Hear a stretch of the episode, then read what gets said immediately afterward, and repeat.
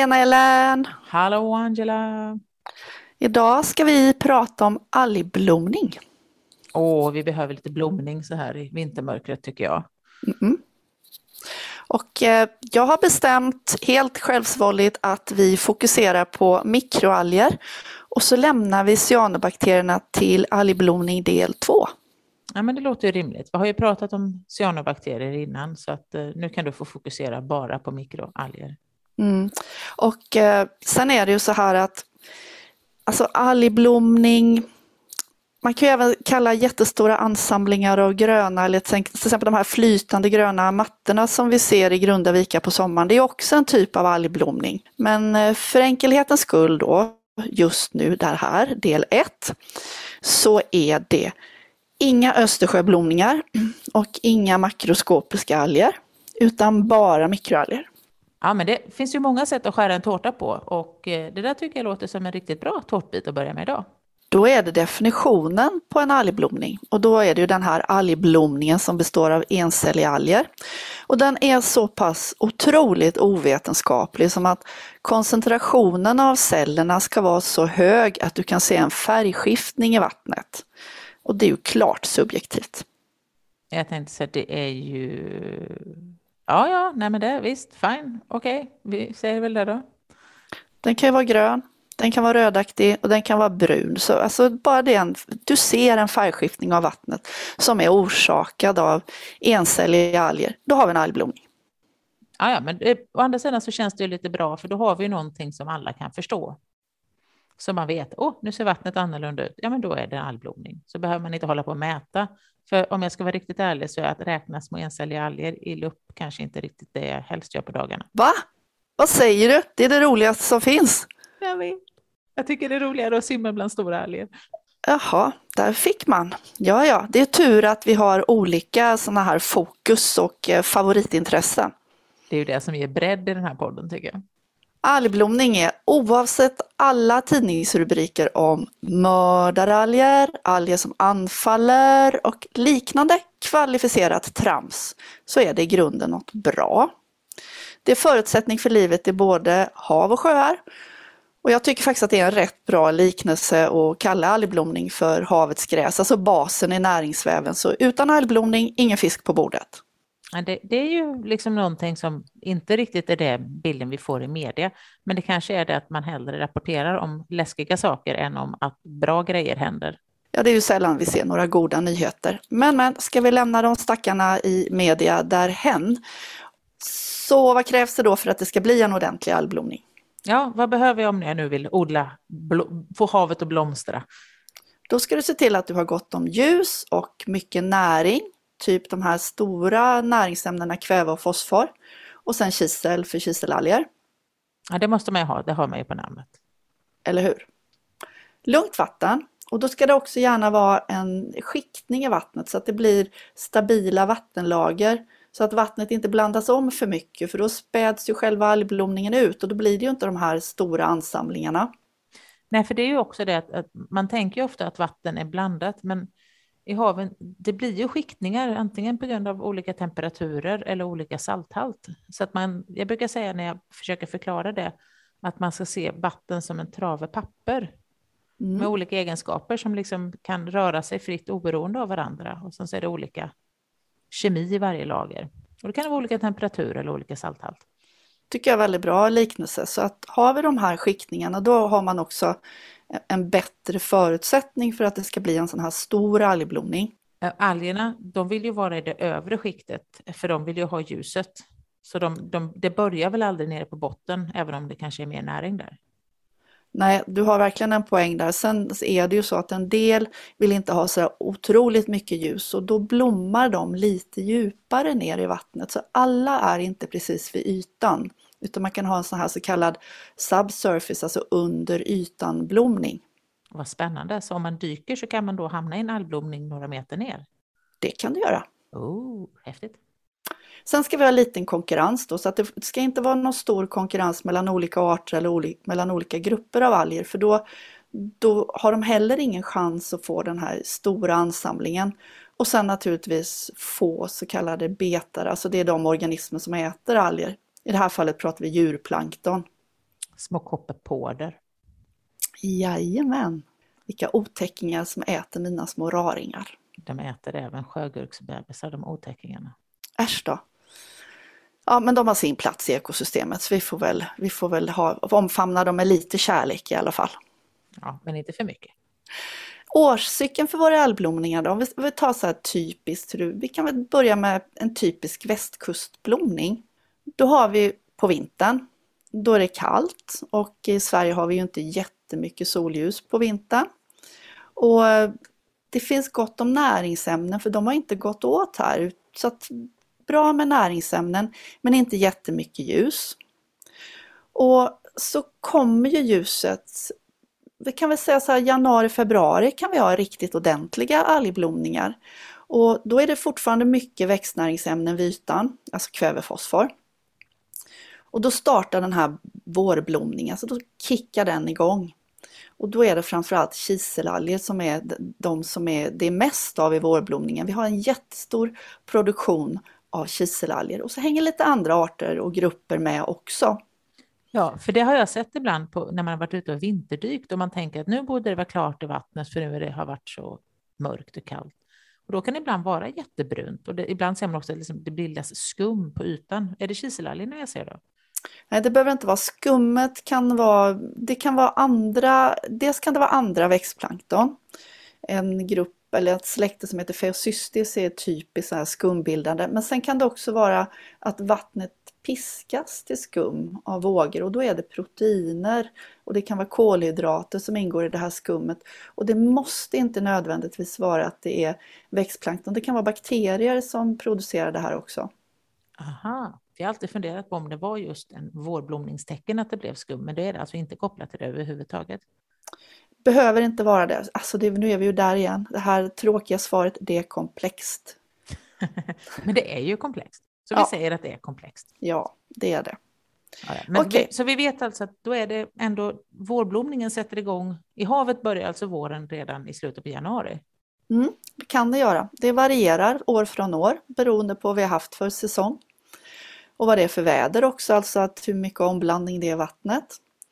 Och sen så då har vi ju mer och mer ljus här nu då men när vårblomningen har startat så gör ju den åt de här växtnäringsämnena så då minskar ju mängden av när, tillgänglig näring och då minskar också vårblomningen men då sätter våra djurplankton igång och reproducerar sig i högre takt för då har de gott om mat.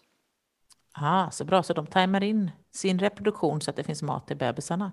Ja, och nu är det ju det här är ju väldigt generellt så det finns ju alltid avsteg från detta. Men sen har vi då riktigt mycket solljus på sommaren. Men då har näringsämnena tagit slut. Djurplankton börjar minska i förekomst för de har inte så mycket att äta längre. Men då kan vi få små algblomningar där vi fortfarande får mycket näringsämnen, till exempel från någon utsläppskälla. Det kan vara, ja, det kan vara diverse och sen så kan det också vara cyanobakterier som nu kommer jag in på dem i alla fall, men cyanobakterier som själva fixerar luftens kväve. Det, jag lämnar det till del två, men där, vi kan ha en sån här topp på sommaren då även på västkusten. Vattnet är ganska stratifierat, alltså skiktat. Och sen så är det lite med växtnäringsämnen i ytan och då får vi igång den här höstomblandningen i vattnet. Alltså vi får en, en höststorm, det kan vara både stormar och det kan vara alltså en vågbildning, någonting som blandar om vattnet. Och då, men då kommer ju näringen från botten upp igen yes. och vevar runt. Så då, ah, då har vi en höstblomning också. Mm. Och då tar vi dinoflagellaterna som dominerar i den. Och där har vi ju marelden som vi har pratat om tidigare. Ja! Så att om vi ska generalisera det riktigt ordentligt så har vi en dominans av kiselalger på våren och en dominans, en lite mindre höstblomning med dinoflagellater. Men vad bra, då vet man ju liksom att, att näringen går åt i januari, februari, mars där och sen så tar den upp näring igen i hösten där, kan det vara september, oktober. Ja. Så då ska det alltså vara ganska näringsfattigt i havet mellan säg april och augusti. Mm. När allting har liksom då bundits in i näringsväven så då ska det inte finnas så mycket lös näring i, i havet i tanken. Nej, och då återigen, har du då en utsläppskälla, det kan vara enskilda avlopp och det kan vara allt möjligt som kommer ut. Och då är det mycket kväve och fosfor och då kan det kicka igång en liten algblomning kustnära igen. Jag vill minnas eh, något år, och det här är nog varken kiselalg eller dinoflagellat, men här på västkusten för, ja, nu är det 15 år sedan, så var det en blomning av kokolitoforider, så hela vattnet var alldeles mjölkgrön, eller det ser ut som man hade helt grön karamellfärg i mjölk ungefär. Det var mjölkigt. Mm. Och det var väl kalkskalsalger? Ja, och de är ofta, om du pratar om kokolitoforider så är de väldigt små. Och de kan ha riktigt stora oceanblomningar och vi kan ju som du säger då, ha dem i Sverige också. Och det behöver inte bara vara Coccolitiforider som blommar. Vi, har, vi kan ha grönhalsblomningar, vi kan ha massa olika andra grupper som också har blomningar. Men om vi, bara om vi tittar på det generaliserade så pratar vi om kiselalger och dinoflagellater. Mm. Ja, men vad spännande, för den algblomningen kommer jag ihåg att den var någon gång i juni, jul och det var så främmande för att det, det var inte alls den färgskiftningen som man sett innan på en algblomning.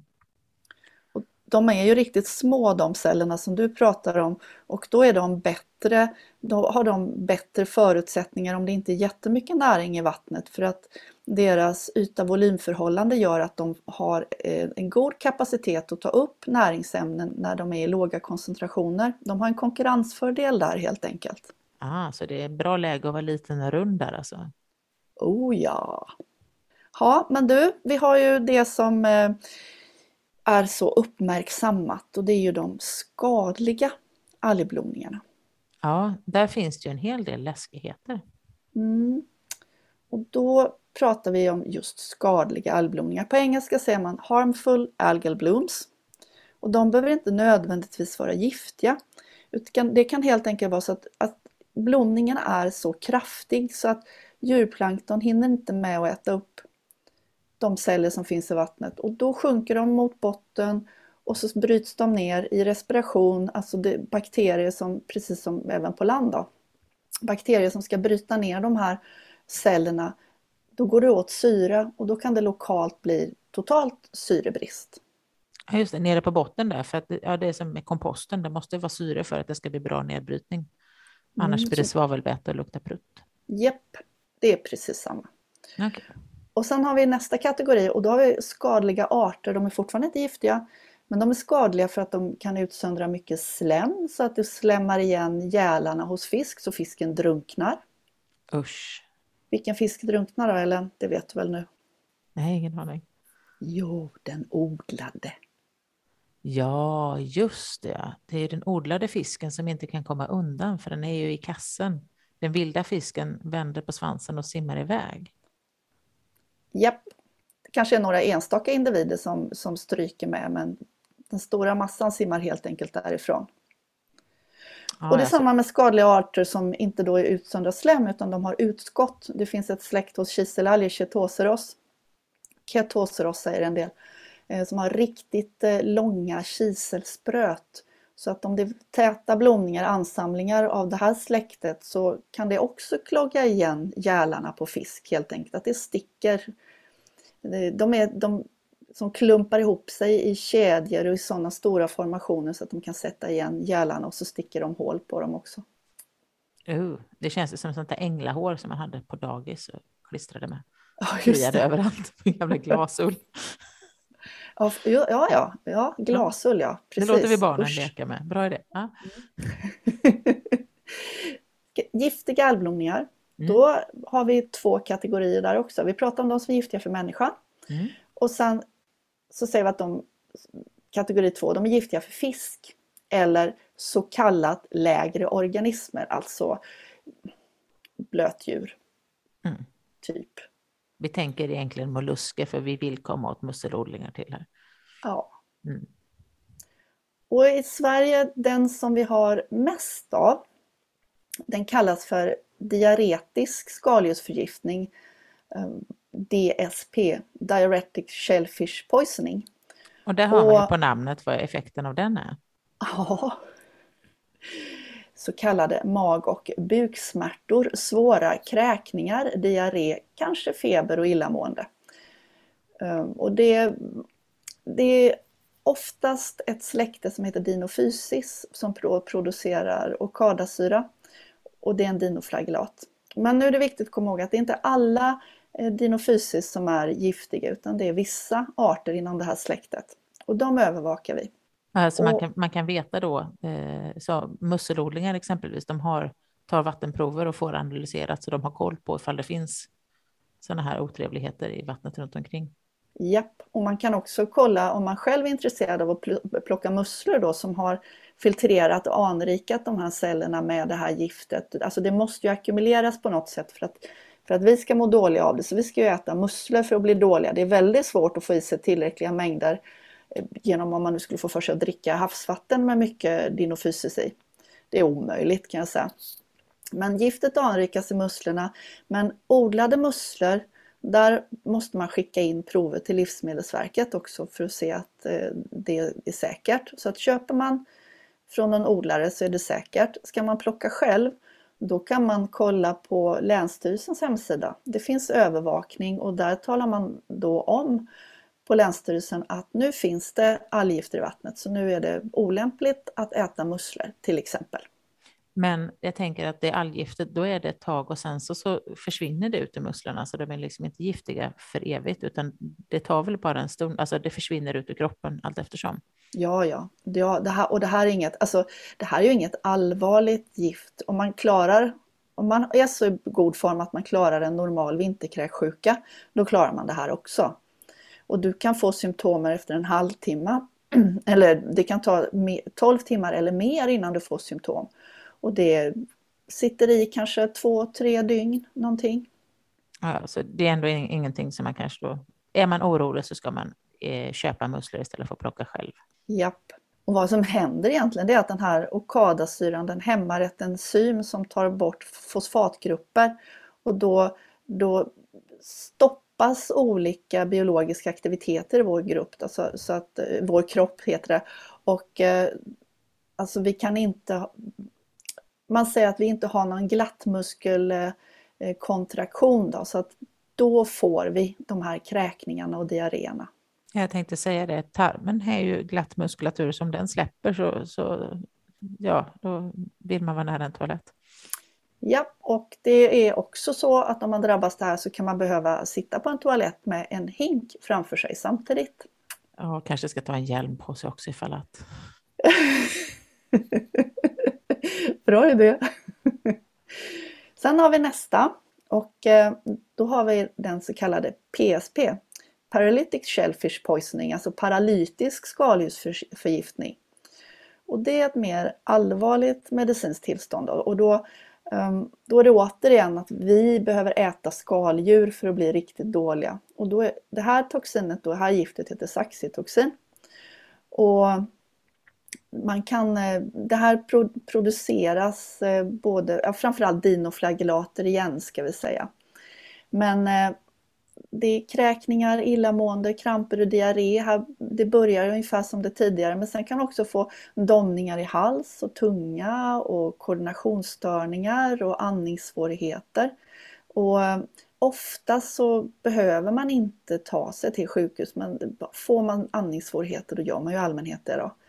Ja, jag tänkte säga paralytiskt, det betyder alltså att man, man får förlamning. Så det, ja. kan, kan det bli hela kroppen eller är det bara de, de här som du säger delförlamningarna, tunga och, och fingrar och så? Ja, alltså annars så ska man ha fått i sig väldigt stora mängder av det här toxinet. Och det är svårt att få i sig så mycket ska jag nog säga. Så att man kan, alltså, symptomen försvinner här också. Det är en, en, två, tre, upp till fyra dagar men själva muskelsvagheten kan man faktiskt ha i flera veckor. Och är det riktigt höga doser då, då kan det bli kärlkramp. Åh jäklar! Ja. Ja just det, för det är glatt muskulatur runt kärlen ja. Och det är mm. faktiskt så att eh, det är människor som, som dör av det här, de här förgiftningarna. Då. Och det är inte många. Men eh, det händer och då är det precis som med de flesta andra gifttillstånd, alltså att man har ett nedsatt immunförsvar på något sätt så man är mer exponerad för det. Mm, så är man lite, lite skör och svag så ska man alltid köpa musslor. Och ostron ska man också vara försiktig med och faktiskt även krabbor Ja, just det. De äter ju också en hel, de äter en hel del musslor och ostron, så det blir också en anrikning där. Mm. Det har du rätt i. Så man får tänka lite så här paraply, vad äter vad? Och Mm. utbilda sig. Men jag tänker också då att de, krabbor och sånt, de testas väl också om man köper dem i butik. Ja, ja, ja. Mm. Ja, men precis. Så det, det är bara just vildfångat där man behöver vara orolig. Men jag tänker, den här paralytic shellfish poisoning då, det, det är ändå väldigt ovanligt. I Sverige är det väldigt ovanligt. För jag vet, jag har hört talas om det mer i tropikerna. Där är det mer sådana arter tror jag. Ja, och även eh, Sydamerika och eh, alltså man pratar om även Asien. När man också talar om red tides, då är det kiselalger eller dinoflagellater, oftare dinoflagellater faktiskt, som färgar vattnet rödaktigt, det kan till och med se blodrött ut. Och då är det ju stora ansamlingar och är det sådana ansamlingar då ser man med blotta ögat att nej men nu ska jag inte äta skaldjur de närmaste veckorna för att nu är det högriskområden. Jo, det, det, om havet ser ut som blod, vilket ju har dokumenterats ganska tidigt i närheten av Egypten, i, i det som kan klassas som tidig vetenskaplig litteratur bitvis. Mhm. Så, och det är väl därför Röda havet har fått sitt namn egentligen. Ja. Red Tides. Ja. Ja, Men, men ser vattnet ut som blod så ska du inte stoppa ner handen och äta någonting därifrån. Det känns som en fin grundtanke. Och sen, eh, alltså, jag har ju läst, eh, his, nu har, jag har inget belägg för det här, men jag läste eh, en historisk beskrivning där man då härledde det faktiskt att man kan läsa om det i Bibeln. I någon av Moseböckerna att vattnet färgades rött som av blod och att vissa historiker då menar att det här var en beskrivning av en algblomning. Jag har inga, inga Nej, men källor för det här. Nej, men det har jag också hört att eh, an, andra mikroalgsentusiaster brukar glatt hävda att de har den tidigaste dateringen på en algblomning. Just att Oj. hänvisa till det. Ja. Spännande är det i vilket fall. Mm. Sant eller inte så. Intressant, definitivt. Sen har vi den då amnesiska skaldjursförgiftningen. Amnesic shellfish poisoning. Och eh, Man glömmer bort att man åt musslor. ja, just det. Och då måste jag ju krypa till korset och säga att det här är det ju faktiskt mina favoriter. Är det kiselalgerna? Ja, här kommer de. Ja, just det. Men ofta så står det i, i om man googlar så på det här så står det kiselalger, men det är inte riktigt rättvist utan det är framförallt ett släkte som heter Pseudonychia. Så det är få släkten och arter av kiselalger som faktiskt är toxiska, men Pseudonychia och det har vi övervakning på i Sverige. Och den här är, alltså den här orsakas av do, domorinsyra, do, domoic acid, domorinsyra. Och det produceras naturligt av pseudonychia-cellerna. Men här har vi också klassiska symptom om man äter musslor eller skaldjur som har filtrerat de här. Diarréer och kräkningar. Men som du sa, minnesförlust. Det där skulle jag nästan behöva ha. Åt du en påse chips? Nej, det gjorde jag inte. Nej. Ja. Ett bra tillbehör. Så man, man får alltså minnesförlust och kan glömma bort att man har... Hur, hur, hur allvarlig är den då? Den kan vara, alltså det, det här är beskrivet för första gången 1987 och då var det tre dödsfall och det var akut förgiftning av ungefär 100. Det var i Kanada. Och den skadar, den här syran skadar delar av hjärnan som, som alltså den ger nervcellerna en okontrollerad ökning av kalcium. Aj då. Och det är det då som påverkar minnet och eh, det, man kan faktiskt dö av det här också men det är återigen då, då det är väldigt, väldigt sällsynt. Fast minnesförlusten kan gå tillbaka men kan till viss del också bli permanent. Jag, det, är inte, det här är ju inte någonting som man har forskat så otroligt mycket på så att jag skulle nog vilja säga att det skulle behövas mer djupa forskningsstudier för att verkligen föra det här i bevisning. Det är väl kanske bara lite svårt att få tillstånd för att förgifta folk och se om de kommer ihåg något eller inte. Ja, man ska ju hitta, alltså om man nu ska, alltså på människor så skulle det nog vara väldigt svårt att få ett etiskt tillstånd så att de flesta av de här studierna, de är ju på möss. Ja, det känns ju också lite taskigt. Men ändå. Ja, Det är inte som att mössen skulle gå och äta musslor i vanliga fall. sant. Men vad som är viktigt för alla de här toxinerna, det är att det hjälper inte om du kokar eller fryser musslorna eller algerna då, innan, om du skulle vilja äta algerna direkt. Då. Så att det här, det här är permanent toxinet så att då är det bara att slänga de musslor som är förgiftade eller att du låter dem gå i rent vatten så att de avgiftar sig själva. Men eh, man brukar vara försiktig med det. Ja, just det. Men alltså, ja, för det är ju syre, så de, de är alltså ja, de är värmeresistenta helt enkelt. Japp.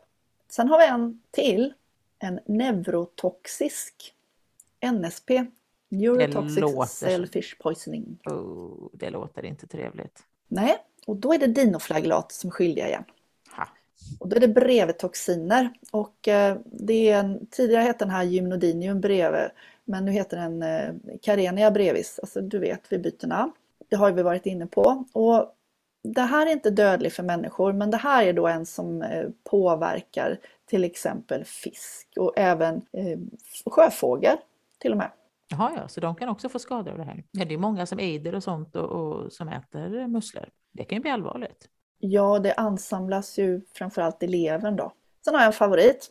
Eller favorit, jag har den här, den här, ja, den här är lite speciell och det är en dinoflagellat som heter Gambiridiscus toxicus. Det låter som den är rund och full av gift. Det är den. Den är rund och full av gift och den ger någonting som heter Ciguaterra. Här kan vi lugna ner oss för det är bara i tropiska områden. Tropiska och subtropiska områden, Stilla havet, Indiska oceanen. Och de här då, dinoflagellaterna, de vill gärna sitta på ytor. Så de vill sitta på till exempel brunalger eller på döda koraller, de kan sitta på, på sand, alltså på botten, men de kan också vara i, faktiskt också upp i vattnet naturligtvis. Och här så är det så här att då handlar det om att vi ska äta fisk som har fått i sig detta. Och barracuder typiskt. Nu vet jag inte mycket muräner man äter men barracuda är ju gott, grillad barracuda. Seabass har väl du ätit? Mm, ja, jag har nog ätit barracuda men inte seabass faktiskt. Nej. Nej. Alltså den, det, det, det, är det här typiska sådana fiskar som är så, här, så kallade riskfaktorer.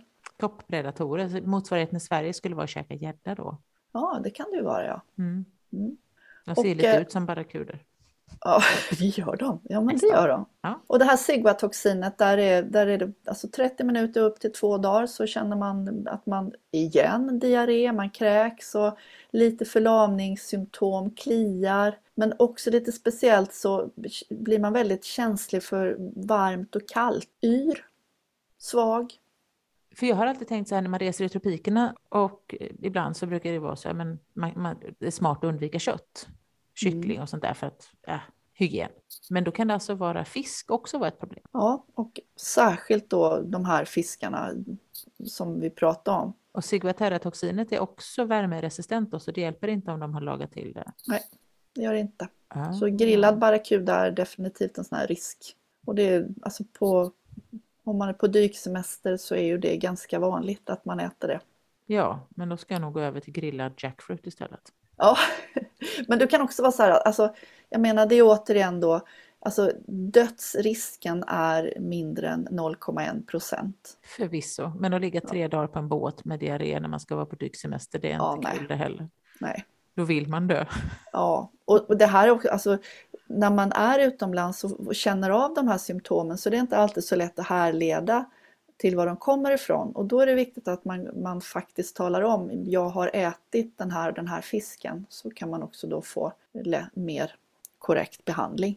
Ja, så man kanske även ska logga vad man äter och inte bara hur man dyker. Mm. Ja, men du, det här var ju alltså del ett algblomning. Mm, men nu har vi gått igenom det häftiga, vilket är hur kan du bli sjuk av små, små, små, små alger? Men eh, Ellen, då tar vi Östersjön. Det är ju ett av dina häng. Då tar vi det nästa gång. Ja, men det tycker jag vi gör. Så får vi eh, se lite grann vad det är som eh, blommar och kokar där över på östsidan. Och då får jag ju anledning att ha lite, återigen, hat om så kallat mördaralger och alger som anfaller som inte ens är alger och så vidare. Men tills dess får du djupandas och så ses vi om två veckor. Ha det! Tjing tjing! Hej, hej.